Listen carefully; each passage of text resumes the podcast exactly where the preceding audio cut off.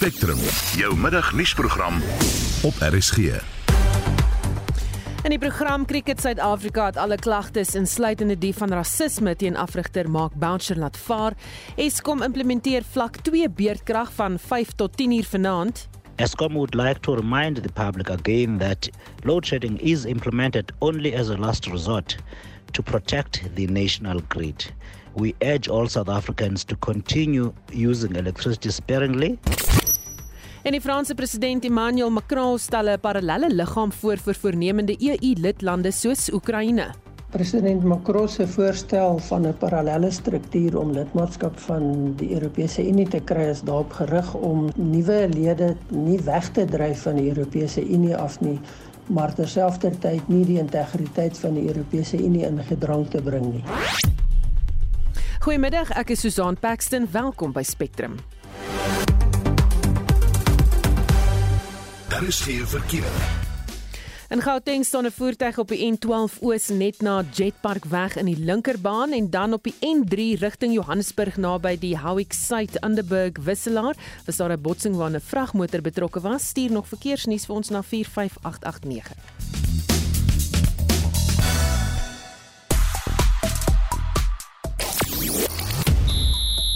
In vanmiddag se sport fokus ons op van die jongste ranglyste en puntelere.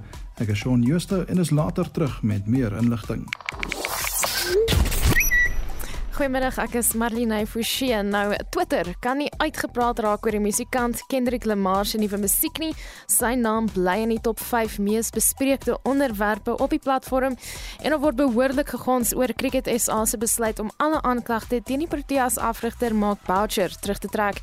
Later in die program meer hieroor. En dan die DA-leier John Steenhuisen het na sy 6-daagse besoek aan Oekraïne gesê hy glo nie die oorlog sal vinnig verby wees nie. Hy het die Russiese president Vladimir Putin van oorlogsmisdade beskuldig. Ons luisteraars vraag handel ook vanoggend of vandag daaroor is nou almiddag.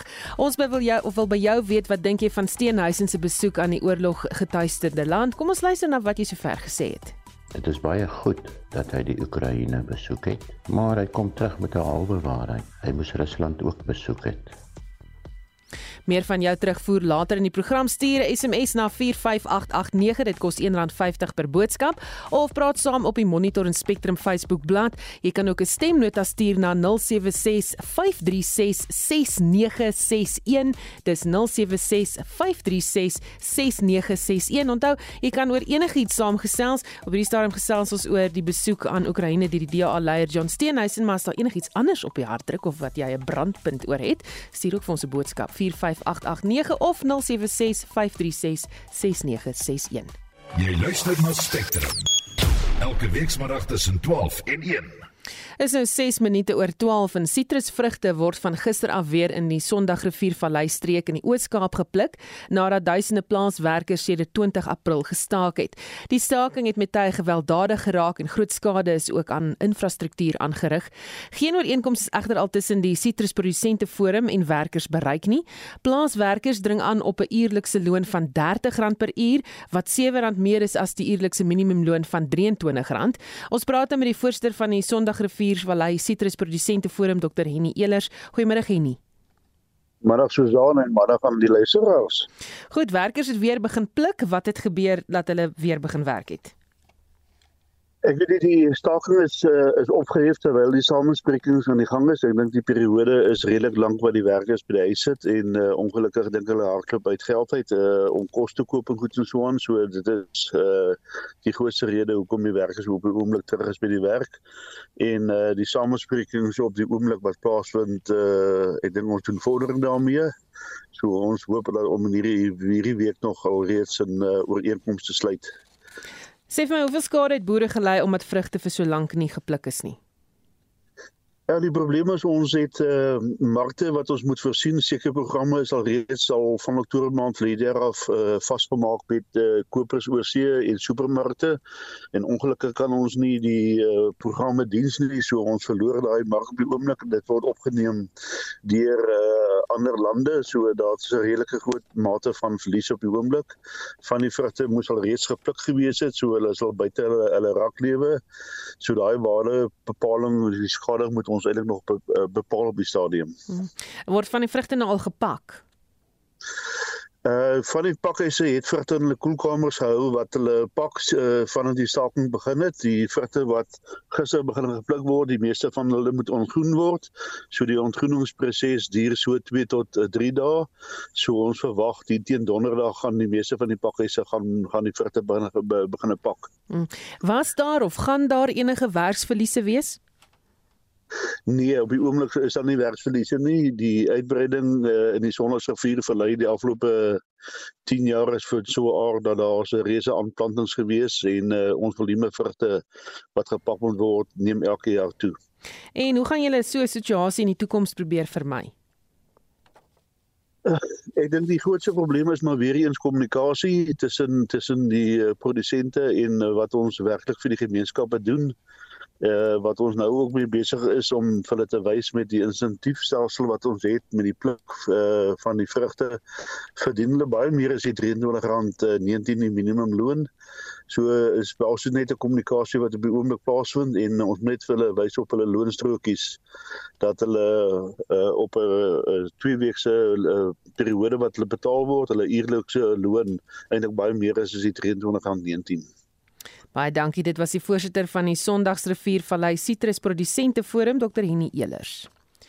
President Cyril Ramaphosa het vroeër vanoggend die mynbou Indaba wat in Kaapstad plaasvind toegespreek. Die Indaba het gister begin en sal tot en met Donderdag duur. Verskeie kenners voel dat die openingstoespraak deur die minister van Minerale en Energie, Gwede Mantashe, teleurgestel het omdat dit nie die sekerheid verskaf het wat beleggers gesoek het nie. Ons praat nou met Manus Boysen, 'n mynboukenner van Webber Wensel wat ook die Indaba bywoon. Goeiemôre Manus. Uh, Goeiemôre Susan. So die president het gepraat vanoggend, wat het hy gesê? Ja, die president het uh, iets wat meer positiewe bydrae gelewer tot uh, die mynbou in Durban, na my mening. Hy het uh, die belang van mynbou vir Suid-Afrika benadruk, wat werkskepping aanbetref, buitelandse valuta en so voort. Hy het ook sy teleurstelling uitgespreek oor ons swak vertoning in die Fraser Institute se opname waar ons verswak het tot in die swakste 10 uh mees aantreklike beleggingsjurisdiksies in die wêreld. Uh baie belangrik en positief het hy uitgewys uh hy sê ons weet wat ons moet doen om hierdie uh swak vertoning te verbeter. Ons moet die agterstand uitwis in die goedkeuring van aansoeke. Ons moet 'n uh, werkende kadastrale stelsel uh in werking stel. Dit is 'n 'n kaart karteringsstelsel van regte. Ons moet 'n eksplorasie strategie ontwikkel en ons moet betroubare elektrisiteitsvoorsiening verskaf. Uh hy het ook verwys na groen energie en die waterstof aangedrewe erfstraat wat Anglo American ontwikkel het. Uh wat energie sekuriteit aanbetref het hy gevra Suid-Afrika moet ontwikkelingsruimte gegaan word. Ek uh, neem aan hy verwys na tyd wat ons nie eintlik meer het nie. En hy het gesê as groeiende manbedryf is net moontlik as ons die werks- en lewensomstandighede van werkers en gemeenskappe verbeter. Uh Hy het ook gepraat van veiligheid wat nie onradebaar is nie. Die mynbedryf geloof vir hulle bydrae tot COVID-19 inentings en dan het hy beleggers aangemoedig om aan te hou om te belê en te investeer. Uh en hy het Suid-Afrika ook as 'n industriële en uh, vervaardigingsreis uh, beskryf wat uh, hy sê as gevolg van mynbou daar is. Ek dink baie sal nie met hom saamstem dat ons 'n reis is nie, maar wat ons wel mee sal saamstem is dat in 'n positiewe sin is dat Suid-Afrika is wat hy as gevolg van mynbas. Mm. Monas as jy dalk so effens links of regs kan draai, het voel vir my hy sein wil wil weggaan. Ehm uh, maar hy was nie die enigste een wat toe nou ook uh, op 'n positiewe trant die uh, jy weet die Indaba toegespreek het nie. Nee, so dan kan jy my nou beter hoor. Ja, klink vir my effe beter. M mooi. Ehm um, ja, ons het ook uh voorleggings gehad gister van die Zambiese president. Dit was baie positief. Hy het verwys na Zambië wat 'n strategiese vennootskap met die private sektor aangaan om Zambië te posisioneer om voorspoed en vooruitgang uh, te verkry. Uh, en hy het gesê saam gesamentlik met die private sektor sal Zambië die narratief dat Afrika slegs 'n bron van roumateriale is verander. Uh, dit is nog positief vir my dat hy uh, die verhouding 'n uh, samewerkend beskou eerder as wat dit 'n gespanne verhouding is soos wat uh, ander lande in Suid-Afrika miskien is so ervaar. Uh hy het ook aangedui dat die beleggingsomgewing in Zambië gaan deursigtig wees, konsekwent wees, voorspelbaar, billik en nie vatbaar vir korrupsie nie. Ek dink so benadering kan Suid-Afrika tot groot voordeel strek. Dan het ons ook uh, er was ook 'n voorlegging baie positief van uh, meneer Duncan Wambler, die hoofuitvoerende beampte van Anglo American. Uh, en hy het gepraat oor Anglo se innovering in die mynbou. Hy het verwys na die benadering in mynbou uh, wat aangemerk word as ESG, uh, dit staan vir Environment, Social and Governance.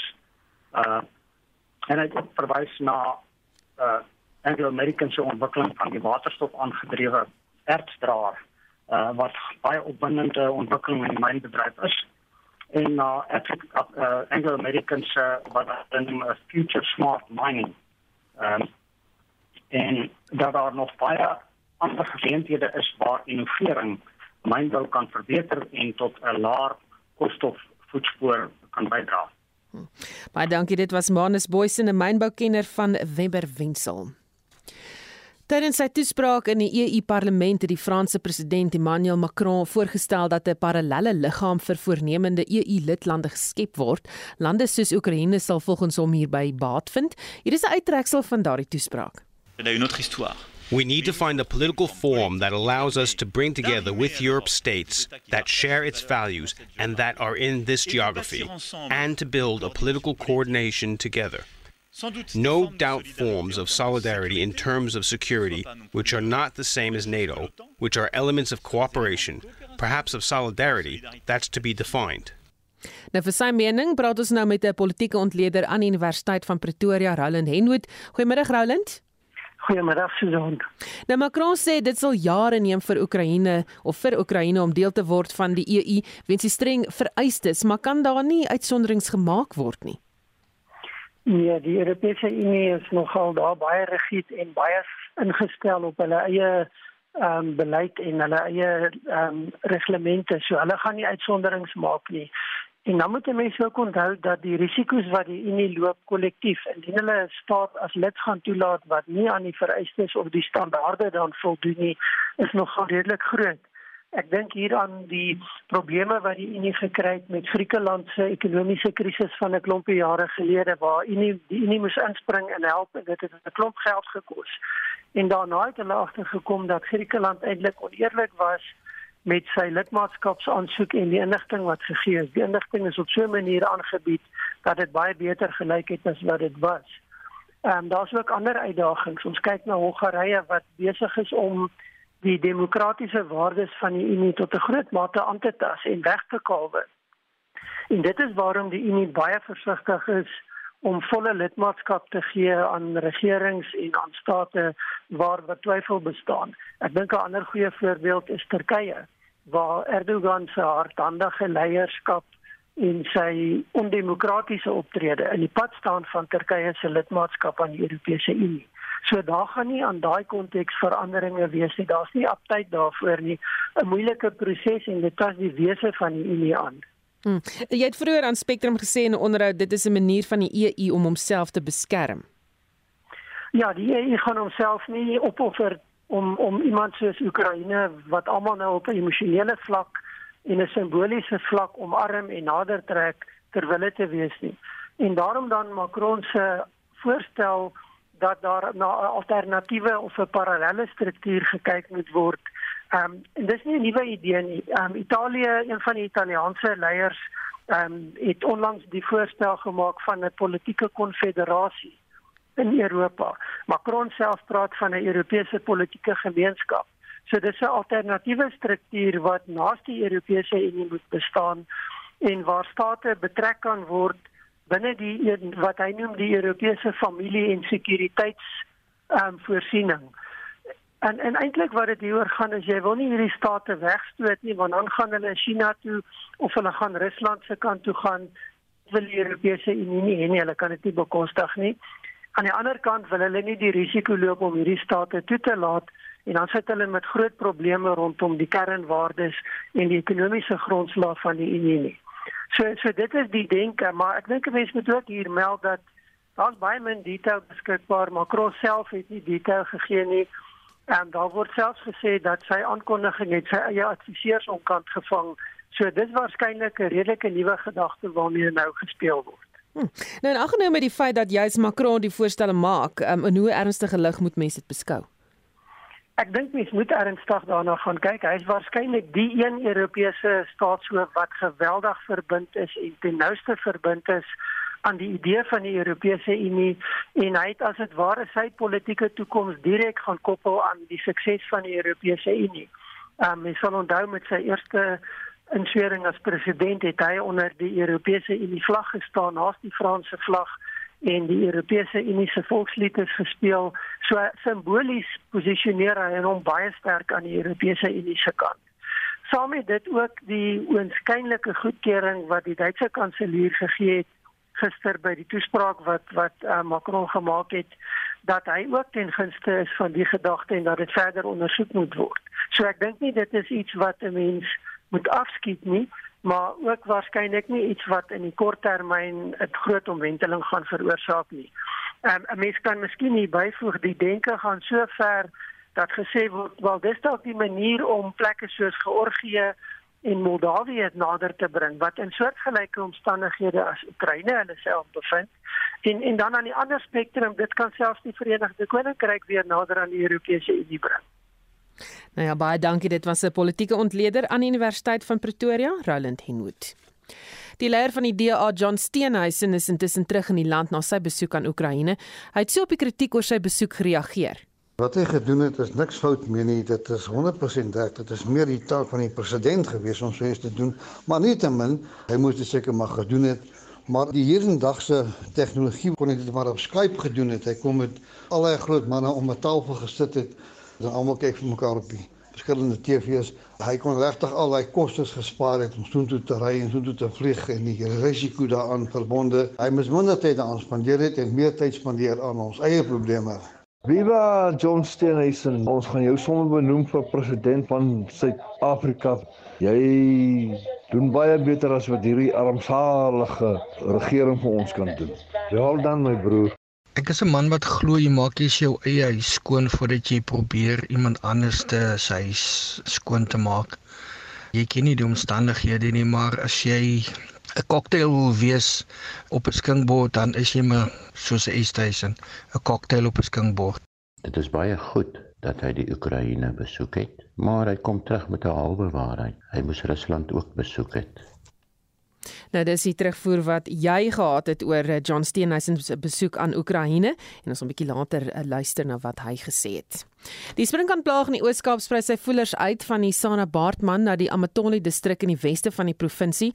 Agri Oos-Kaap het juis vanoggend oor die kwessie vergader en ons praat nou met die ondervoorsitter Eben Du Plessis. Goeiemôre Eben.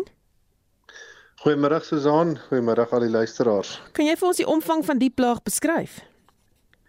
Ja, Susan, um, ek het so na die kaarte gekyk vanoggend en is amper al 50% van die Oos-Kaap wat geraak is deur hierdie plaag hierdie jaar sover. Ehm um, soos jy gesê het, ehm um, ons westelike dele wat eerste geraak was, ehm um, is nou bietjie stiller. Daar's nog sporadiese uitbrake. Ehm um, hier en daar en dan het die het hierdie uitbraak nou redelik oos geskuif in die Amatola distrik in um plekke so Stadterheim, Cathcart wat regtig waar baie baie lank lank springkane indien enige al ooit beleef het. Um so die die uitbraak is redelik in die suidoostelike deel van die Oos-Kaap nou. Um stiller aan die westelike kant, maar um ook nie die groot swerms wat ons ervaar het in die begin wat ons nou sien in daai nuwe areas nie, maar maar 'n groot genoeg uitbraak om bekommerd te wees oor. So julle het nou vanoggend vergader, wat is besluit? Ja, Susan, ons het ver oggend die eerste Oos-Kaapse provinsiale gesamentlike operasionele komitee vergadering gehad. Um, ons het weekliks een nasionaal wat ons met die nasionale departement en die ander provinsies vergader. Um, dan het ons nou ver oggend die eerste een in die Oos-Kaap gehad waarvoor ons nou al baie lank al vra van georganiseerde landbou se kant af. Um, die vergadering is nog tans aan die gang, um, soos wat ek praat maar dit het al die rolspelers nader aan mekaar gebring asook die plaaslike Oos-Kaapse regering ehm um, departemente om om hierdie plaag dan nou soos wat hy in die kommunale areas in beweeg te help bestry ehm um, waar die kommunikasie en die strukture bietjie minder is. Die departement van landbou, bosbou en visserye sê daar's 'n verbod op die spuit van gifstowwe binne 100 meter van vlei lande en riviere en mense kan nou dink dit is as gevolg van besoedeling, maar hoe bemoeilik dit die stryd om hierdie sprinkane onder beheer te kry of die plaag onder beheer te kry? Ehm um, Susanie, dis nie dis nie 'n groot ehm um, faktor wat um, dit bemoeilik nie. Dit is regulasies um, wat op die um, pestdoders aangebring is om binne 100 meter van water af weg te bly as gevolg van die gevare vir visse en bye. Ehm um, so dit die sprinkane is nie normaalweg baie naby aan water nie. Dis maar ehm um, hulle konsentreer maar meer op die op die veld en en landerye dan om hulle kos te kry. Hm. En hoe lank dink julle gaan hierdie plaag nog, jy weet, heers? Ah, dis 'n moeilike vraag. Ehm um, solank as wat dit warm genoeg is, bly die sprinkane aktief. Ehm um, sodra dit baie koud raak en ons begin die ryp kry, ehm um, begin ons sien dat hulle afneem, maar nou uh, wat hulle nou in hierdie nuwe areas ingaan wat nie so tradisioneel koud is nie, sal dit nou vir ons 'n nuwe leerskool wees om te sien. Ehm um, ek moet daarom ook net sê ons het laas jaar swerms ehm um, gekry wat gerapporteer is in Junie maand in die sneeu hier in Middelburg area. So is 'n baie onbekende faktor waarmee ons werk. Jou enige raad aan boere? Ja, ehm um, veral in daai nuwe areas, ehm um, kontak gerus die Agri Ooskaap kantoor. Daar is nommers beskikbaar. Ehm um, en rapporteer die swerms ook aan die plaaslike voorligtingbeamptes. Daar is ehm um, uh opleiding wat plaasvind en help kom in van die departement op as, as ook van Agri Ooskaap om dan hierdie swerms te rapporteer. Baie dankie dit was Agri Ooskaap se ondervoorsitter Eben Du Plessis. 'n Belangrike gedeelte van die Charlotte Mackay Hospitaal is Maandag heropen. Dit is meer as 'n jaar nadat 'n brand groot dele van die hospitaal beskadig het. Die departement van gesondheid het onderneem om die hospitaal se ongevalle eenheid te, teen einde April te heropen, maar daardie sperdatum is ook misgeloop weens verskeie ontwrigtinge. Die adjunkminister van gesondheid, Sibongiseni Dlomo, sê egter mense sal nie net kan inloop vir hulp by hierdie hospitaal nie. We will not take a patient who comes in from the scene of an accident directly there by the ambulance for a short while because we do not have a CT scanner that is working. But we found that the CT scanner was being repaired there. This CT scanner is an equipment of that hospital that was actually vandalized. Now, uh, we found the people, the technicians doing and repairing it and they will hopefully calibrate it this week. Now, the specialists are saying it's not really good to get the trauma and adult emergencies directly into the hospital where among other things you need a tool like a CT scan to really do your actually diagnosis. Dlomo sê hulle hoop om binne 'n week die probleme ook opgelos te kry. This is going to improve because the CT scan is there. It's a fully equipped uh, hospital with LVAD. That was only damaged not by fire, by vandalism. And I'm actually saying to you, within a week, that will be done. We want not to actually, uh, this is an advice that we are getting from specialists, and we have to respect that, that all ambulances will then first drop or bring patients to these other hospitals and then get an assessment there done you don't need a CT scan you're still have just an acute stroke assessed and then it's done. So surely most of the adult emergencies, strokes, everybody will have an emergency. Adult emergencies will need to be actually assessed why this person suddenly is unconscious. Klomo sê na verwagting sal die hospitaal teen November ten volle operasioneel wees. This hospital's fire will actually created a situation where we are going to be doing it in multi phases. There are going to be different phases.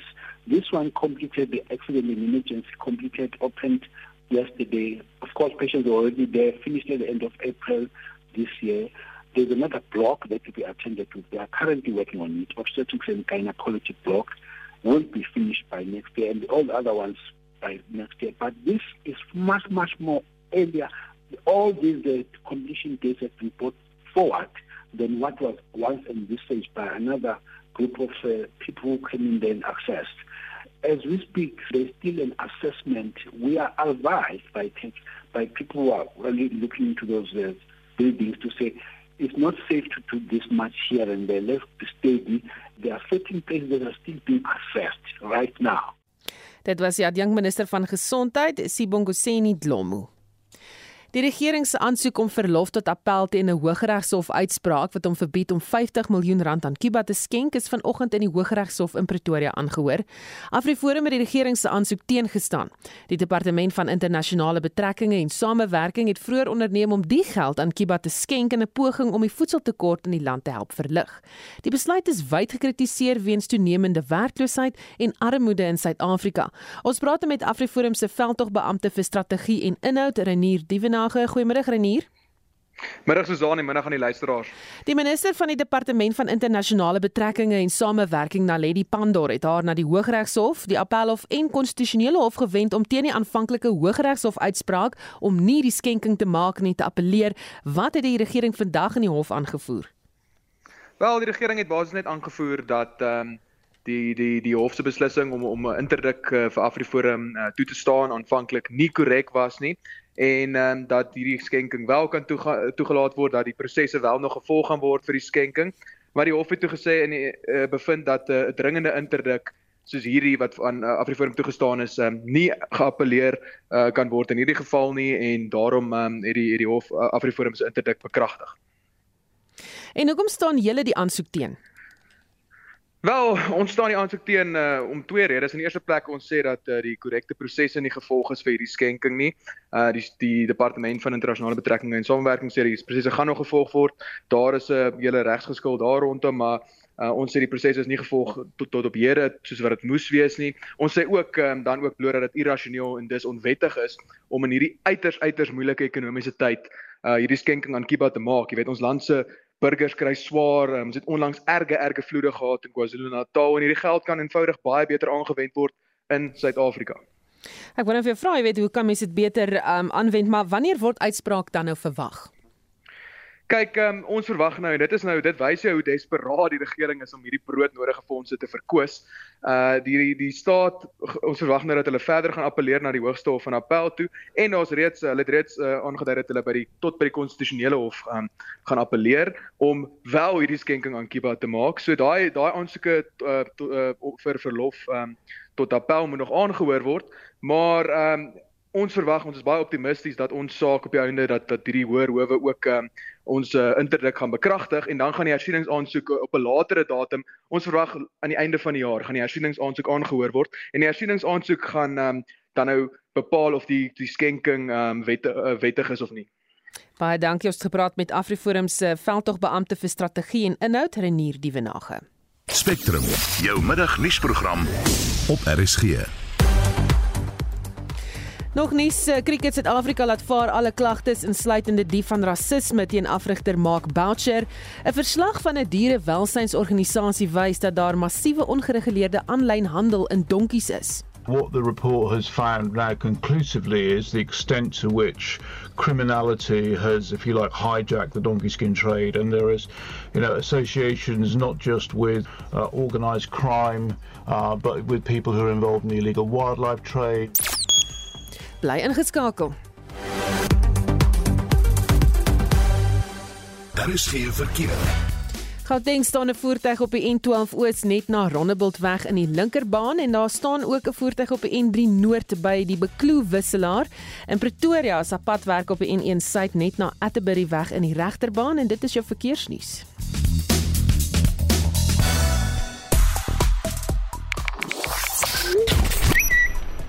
Cricket SA het aanklagte van onder meer rasisme teen die Proteas afdrigter Mark Boucher teruggetrek. Twitter gons behoorlik hieroor.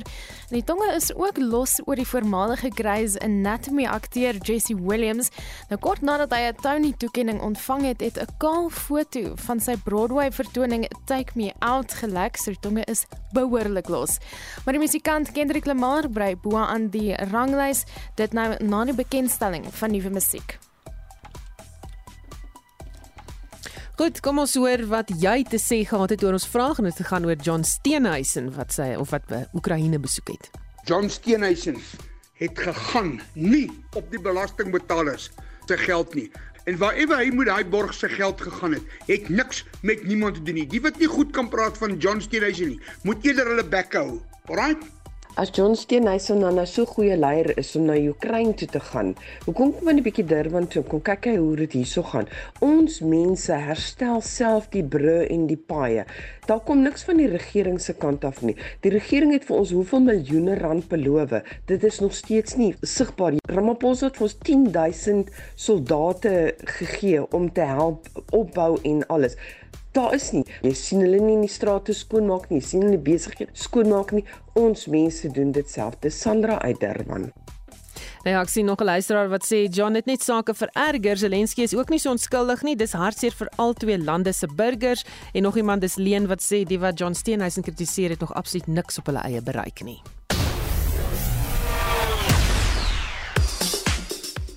Son, jy sê die jongste sportnuus. Net voor ons met ranglyste en puntelere begin, Cricket Suid-Afrika het aangekondig dat hulle alle aanklagtes teen die Protea afrigter Mark Boucher teruggetrek het en dat die dissiplinêre voor op 16 Mei nie meer sal plaasvind nie. Die besluit is geneem nadat die voormalige Protea draaibouler Paul Adams gister as getuie onttrek het. Ek val weg met motorsportnuus. Na die naweek se eerste Grand Prix in Miami bou die Ferrari renjaer Charles Leclerc van Monaco die voortou en het nou 104 punte agter sy naam. Die wenner van die wedren en verdedigende wêreldkampioen Max Verstappen van Nederland is tweede in sy Red Bull op 85 punte met sy spanmaat Sergio Perez van Mexico derde op 66 punte. Ferrari bly ook eerste onder die vervaardigers en staan op 157 punte.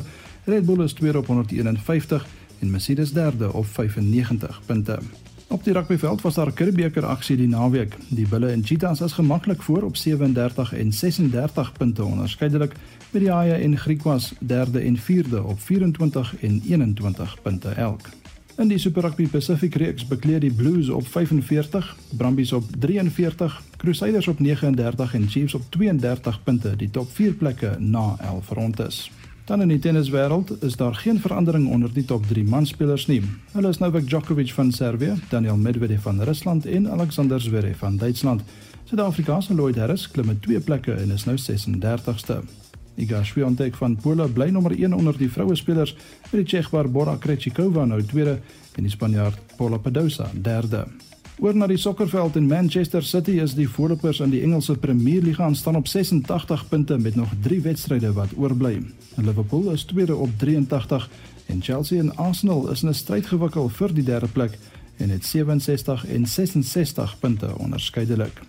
Mamelodi Sundowns bly ook die voorlopers in die DStv Premier Liga staan op 62 punte. Hulle word gevolg deur Cape Town City op 48 Royal AM op 45 en Kaizer Chiefs op 43 punte.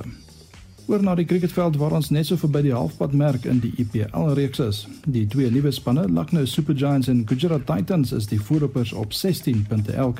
Die Rajasthan Royals en Royal Challengers Bangalore rond die top 4 af op 14 punte elk. Daar is ook geen verandering onder die wêreld se top 3 mans golfspelers nie. Hulle is die Amerikaner Scottie Scheffler, die Spanjaard Jon Rahm en Colin Morikawa ook van die VSA. Suid-Afrika se Louis Oosthuizen bly 15de, maar Erik van Rooyen en Shaun Norris sak elkeen met 2 plekke terug en is nou 63ste en 65ste onderskeidelik.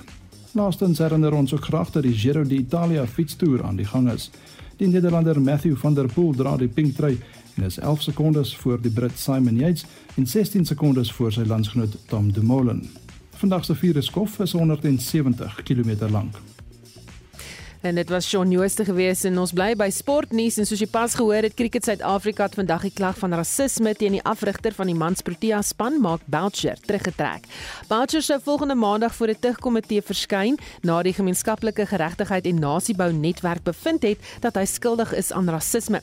Cricket Suid-Afrika het deur middel van 'n media-vrystelling gesê die tugvoer is afgelas en alle klagtes teen hom is onvoorwaardelik teruggetrek. En vir die jongste hier oor praat ons nou met die Netwerk 24 sportskrywer Tinus van Staden. Goeiemôre Tinus. Goeiemôre. Wat beteken vandag se besluit vir Mark Boucher se toekoms as afrigter van die span?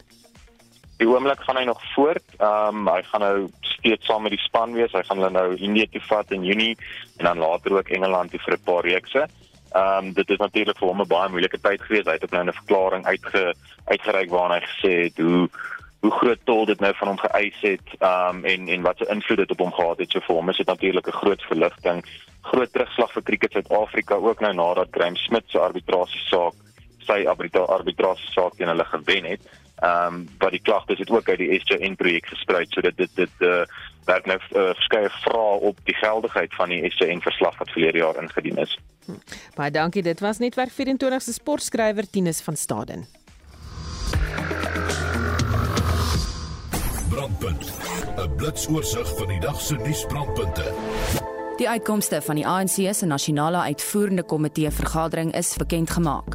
Die voormalige parlementslid en politieke kommentator Pieter Mulder sê dit lyk of president Cyril Ramaphosa huis skoon maak. Vroue liga word uitgesorteer. Hulle was pro Zuma geweest, eh, mevrou Bambadele wat daarso was.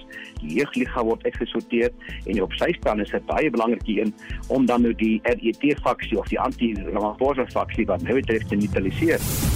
Brandpunt. Hou jou op hoogte van die dag se nuusgebeure elke week se middag om kwart voor 6 net op RSG. Brandpunt. Jy luister na Spectrum op RSG. 1238 die koringprys bly hoog sedit Rusland sy buurland Oekraïne vroeër vanjaar binnegeval het. Dit het kommer oor kospryse hier eh, in die land veroorsaak en maar die een se dood is die ander se brood met baie boere wat dit oorweeg om die hoër prys te benut en meer hektaar onder koring te sit. Ons praat nou met 'n ekonom by Graan SA, Helene Viljoen. Goeiemôre Helene. Hallo Susan en hallo aan al die luisteraars, hoe gaan dit? Dit gaan goed, maar sê vir ons hoe lyk die nuwe seisoen se koringaanplantings?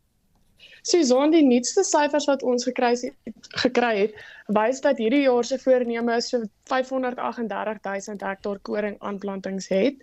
Um een positiewe ding daaruit wel is dat die Vrystaat se hektare met so 15000 toegeneem het. Um en die Weskaap se hektare bly nog steeds die grootste oppervlakte. En wat kan 'n boer se besluit beïnvloed om koring te plant? Sjoe, okay, ja, dit is 'n dit is 'n moeilike vraag om te antwoord. Um ek dink die een ding wat produsent produsente op die oomblik moet oorweeg is insetkostes. Koring is 'n gewas wat normaalweg 'n bietjie meer kunsmis nodig het as ander gewasse. Um en kunsmis is ook ag nee kunsmis nie. Koring is ook 'n gewas wat hoë risiko is. Um so produsente moet ook op die uitkyk wees vir versekerings wat dalk 'n bietjie duurder mag wees as hulle koring wil aanplant. Hmm. En die prys is nou hoog, maar gaan dit so bly? Dis 'n moeilike vraag om te antwoord. Um koringpryse op die oomblik internasionaal hang baie af van wat met die oorlog gaan gebeur. Um op die oomblik is Oekraïne besig om te plant aan hulle lentekoring en hulle winterkoring is aan die groei. Um so dit waarna ons kyk is die Julie-Augustus tydperk wanneer Oekraïne gaan begin stroop. As hulle nie hulle koring kan stroop nie, mag die prys hoog bly en as hulle die koring wel kan stroop, maar hulle kan dit nie uitvoer of vervoer tussen die lande nie, mag die prys ook hoog bly. Ehm um, so ons is op die oomblik baie op die uitkyk vir wat met die oorlog gaan gebeur, maar internasionaal, die groot uitvoerlande, Amerika, Kanada, Australië, hulle is almal besig om te plant, maar Australië se ag uh, Amerika se kondisies is 'n bietjie droog op die oomblik en Europa se kondisies is ook 'n bietjie droog op die oomblik. So dit is ook besig om pryse op die oomblik hoog te hou. Baie dankie, dit was 'n ekonom by Graan SA, Helene Viljoen. Die volgende berig kan sensitiewe luisteraars ontstel. 'n Verslag wat deur die Donkey Sanctuary in Brittanje bekend gestel is, toon dat daar 'n massiewe ongereguleerde aanlyn koop en verkoop netwerk van donkies is. 4,8 miljoen donkies word op brutale maniere vervoer en selfs lewend vir hulle velle geslag. Simon Pope van die Donkey Sanctuary sê, hulle het bevind dat die handel in donkies verband hou met onwettige handel in dwelms, wapens, mensenhandel en renosterhoring. So this isn't a new issue. I mean, the donkey skin trade has been targeting Africa, targeting donkeys in Africa now for about the last six or seven years. But what the report has found now conclusively is the extent to which criminality has, if you like, hijacked the donkey skin trade. And there is, you know, associations not just with uh, organised crime, uh, but with people who are involved in the illegal wildlife trade, with drug trafficking, even people who are selling human body parts. So, uh, you know, I think think that the trade is now stained and tainted as a consequence of this um, link to criminality, and that means the governments have really got to start taking it more seriously. Pope sê die velle is deel van die maak van 'n tonikum wat in China gebruik word om bloedsiektes te behandel. There's been a traditional Chinese remedy called ejiao which is a, a, tonic, a blood tonic, that's been particularly popular with the middle classes in China in the past. And through some very clever marketing over the last 10 years or so, it's now seen a resurge in demand and a real interest of some really clever product placement in a sort of traditional drama that was set in the emperor's court. And as a consequence of that, demand has absolutely gone through the roof. Pope sê regerings gaan dringend strenger regulasies moet instel om die onwettige handel te stop. The speed with which this um, phenomenon, if you like, occurred has meant that the authorities really haven't had time to catch up. And in some circumstances, uh, the authorities have first allowed it and then banned it because they've seen how unsustainable it is and also how fundamentally cruel it is as well. I mean, the conditions in which these animals are kept and slaughtered are appalling. And in fact, in South Africa, the, you know, the great work the NSPCA do there, I mean, we've had stories from them that some of these animals are effectively skinned alive. They're knocked unconscious, um, but they're not dead, and then they actually, um, you know, they're skinned alive. Pope sê hierdie is 'n praktiese voorbeeld van hoe onwettige handel met diereprodukte mense se lewens gaan beïnvloed. What we're starting to see and what we're starting to hear from people uh, on the ground is that donkeys are becoming scarce in places where they were previously plentiful. We're hearing that from Nigeria. We've even heard that from South Africa as well. Um, and I think that the, the what does this mean? Well, it means that as demand continues, of course, donkey the price of a donkey rises. So if you are one of those unfortunate people who depend on a donkey and have had their donkey stolen, it means that buying a replacement is unaffordable. Dit was Simon Pope van die Donkey Sanctuary. Oud kollega en nou eienaar van twee donkies in Rosendal, Lila Magnus sê die verslag is skokkend en sy oorweeg nou ekstra sekuriteitsmaatreëls om haar donkies te beskerm. Weet jy dit is vir my absoluut onrusbarend en skokkend wat hierdie mense aan donkies doen, veral as jy weet wat se sensitiewe en intuïtiewe diere dit is. Ek meen 'n donkie het amper soos 'n sesde en 'n sewende sintuig om 'n mens se gemoed aan te voel en te weet wat om hulle aangaan. En ek kan nie my indink deur wat se trauma hulle moet gaan as so iets met hulle gebeur nie. Weet jy en dit is soos jy nou vir my verduidelik het dat donkies is amper na so skaars soos renosters. Dit maak my bekommerd want my donkies is amper vrylopend. Dit laat my wonder of ek nie gaan moet begin heininge opsit om my donkies te beskerm nie en dalk vir hulle trekkers of iets moet kry nie want weet dis die dorp se donkies en hulle loop baie keer laat ek hulle maar net loop as 'n verrykings experience dat hulle ook nou nie altyd net op dieselfde plekke is nie. En dit dis regtig vir my onrusbarend om te dink dat iemand my donkie sal steel om hulle te slag. Weet jy, ek kan my amper nie indink hoe 'n mens so iets kan doen nie. Dit gaan my verstand heeltemal te bowe. Was die stem van Lila Magnus. In ander nuus, die COVID-19 pandemie het tot gevolg gehad dat daar 'n toename was in gesondheidsorgpersoneel met geestesgesondheidsprobleme. Maar 'n nuwe studie toon dat meeste van die mediese personeel eerder in stilte sal sukkel as om hulp te soek. Ons praat nou met professor Renata Skooman, 'n lid van die Suid-Afrikaanse Vereniging van Psigiaters. Goeiemiddag Renata. Goeiemiddag Susan, goeiemiddag luisteraars. So wat presies het hierdie studie gevind? dat die Healthcare Workers Care Network is so 'n paar jaar gelede in die pandemie begin om juis aan gesondheidsorgwerkers die nodige ondersteuning te bied. En deur die loop van tyd het ons nou sedert April 2020 omtrent 5000 healthcare workers in hierdie program gehad wat min of meer 175 oproepe per dag is dan wat na die help na die hulplyn toe uitreik. En al hierdie mense wat nou uitgereik het vir hulp, het nou gekontak en ons het nou gekyk na wat sien ons. In 82% van die gesondheidsorgwerkers voel dat daar nog steeds 'n geweldige stigma is rondom hulp soek vir jou eie geestes en emosionele welstand. En daar's vele redes daarvoor, maar een van die hoofredes wat uitkom is om bang te wees om veroordeel te word of dat jy gesien word as jy's incompetent of jy's swak of jy is nie goed genoeg om jou werk te doen nie en veral word jy ondersteuning bied aan pasiënte as jy moet dan veronderstel om jou self te kan uitsorg of jouself te kan regryk. Hmm. Ek wonder of jy vra, jy weet, wat is die gevaar van die stigma dat mediese personeel glo hulle self dan moet dokter en uh, hulle self regryk? Ja, so baie keer gaan dit daaroor dat jy jy glad nie vir hulp uitreik nie. Um you, you really suffer in silence.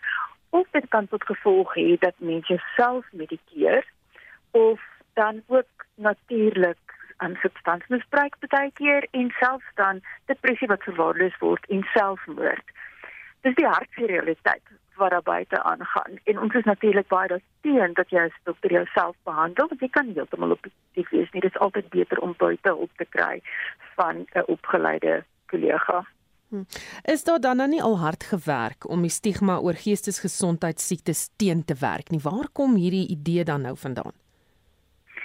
Absoluut. Ek dink ons het baie baie vordering gemaak vir al die van 2017 wat ons al hoe meer 'n um, werkplekprogramme vir gesondheidsorg in die werkplek het. Maar daar is nog steeds hierdie stigma en hierdie persepsies beide vir die publiek het, maar beide wat gesondheidsorgwerkers ook omtrent hulself het van soos wat ek genoem het, jy kan nie ander mense help as jy jouself kan help nie.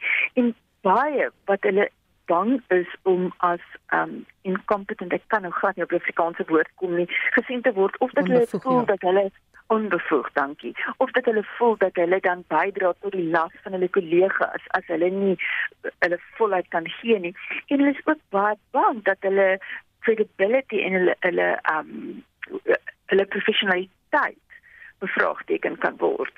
En en dit is belangrik om te besef, eintlik is ons almal wat gesondheidsorgwerkers is, ook maar net mense.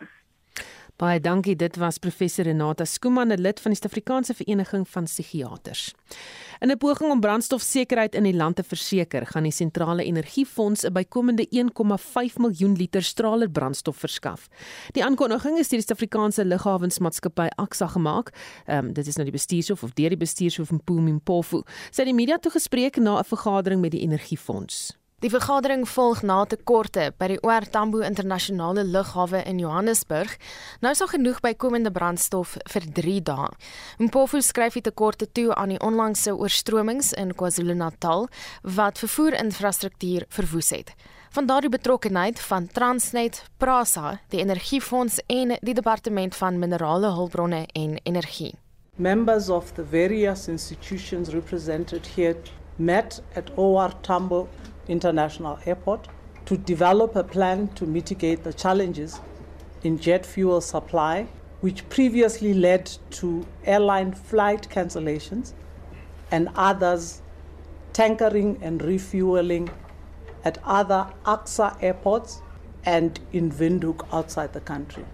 AXA and its Strategic Fuel Forum partners confirmed that jet fuel supply has decreased but is stable.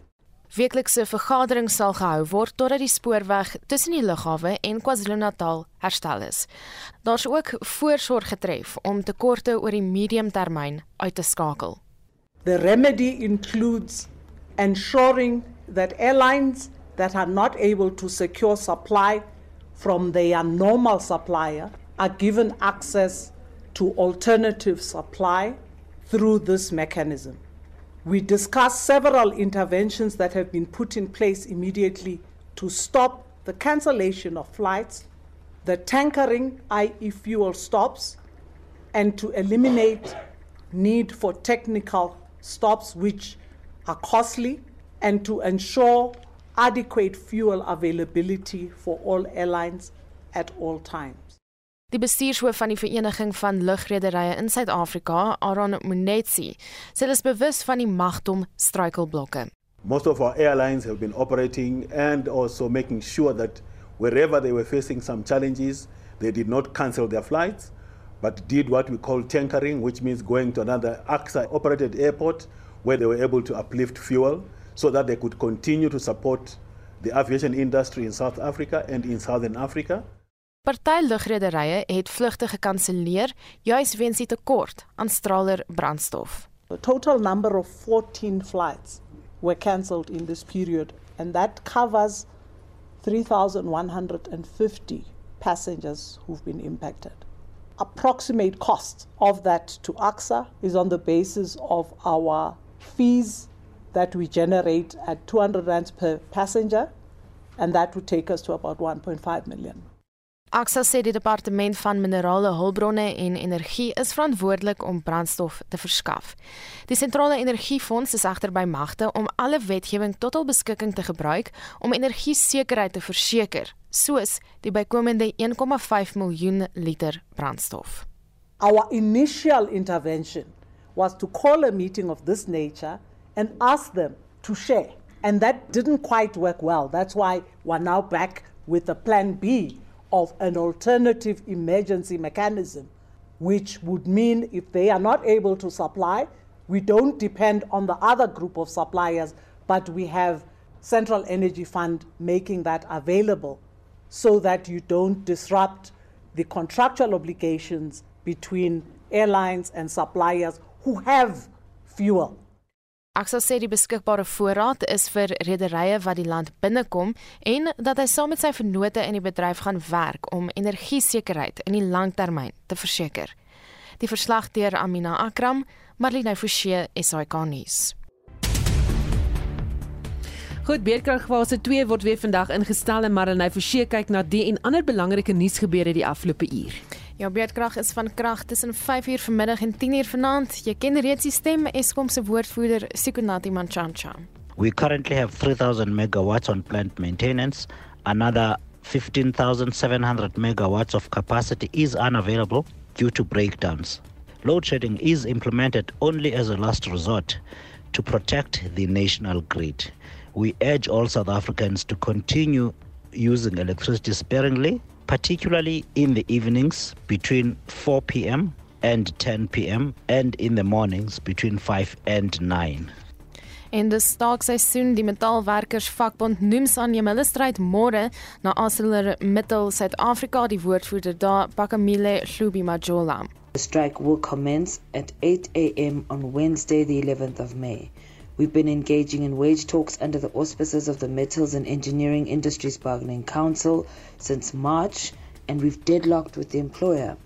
Our core demands are as follows demanding a 10% across the board increase in wages, housing allowance, 80% medical aid contribution of the employer, and scrapping of labor brokers and insourcing of all temporary employees. Intussen word sitrusvrugte van gister af weer in die Sondagriviervallei streek in die Oos-Kaap gepluk, dit na nadat duisende plaaswerkers sedert 20 April gestaak het. Die voorsitter van die Sitrusprodusente Forum, Dr Henny Elers. Die staking is opgehef terwyl die samesprekings aan die gang is. Ek dink die periode is redelik lank wat die werkers by die huis sit en uh, ongelukkig dink hulle hardloop uit geld uit om kos te koop en goed en so aan. So dit is die grootste rede hoekom die werkers op die oomblik terug is by die werk. Die samesprekings op die oomblik wat plaasvind, ek dink ons doen vordering daarmee.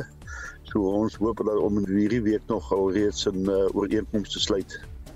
Die Oos-Kaapse sprinkaanplaag kring steeds uit. Agri Oos-Kaap het juis vanoggend oor die kwessie vergader met ander rolspelers, die ondervoorsitter Eben Du Plessis. Ek het so na die kaarte gekyk vanoggend en is amper al 50% van die Oos-Kaap wat geraak is deur hierdie plaag hierdie jaar sover. Ons het vanoggend die eerste Oos-Kaapse provinsiale gesamentlike operasionele komitee vergadering gehad.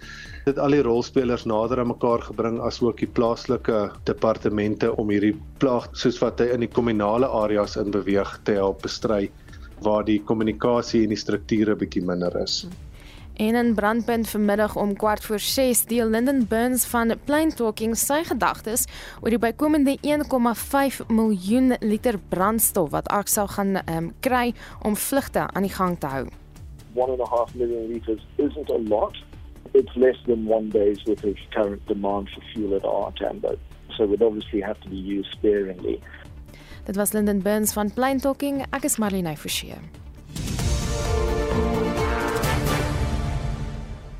Nou ja, dankie vir almal wat saamgesels het. 'n Klomp SMS'e wat nog instroom oor uh, John Steenhuisen se besoek aan Oekraïne. Maar daarmee groet die Spectrum span. Ons groet namens ons uitvoerende regisseur Nicoline de Wee. Vandag se redakteur was Hendrik Martin en ons produksieregisseur was Daitrin Godfrey. My naam is Susan Paxton. Onthou om in te skakel vir Brandpunt vanmiddag kwart voor 6.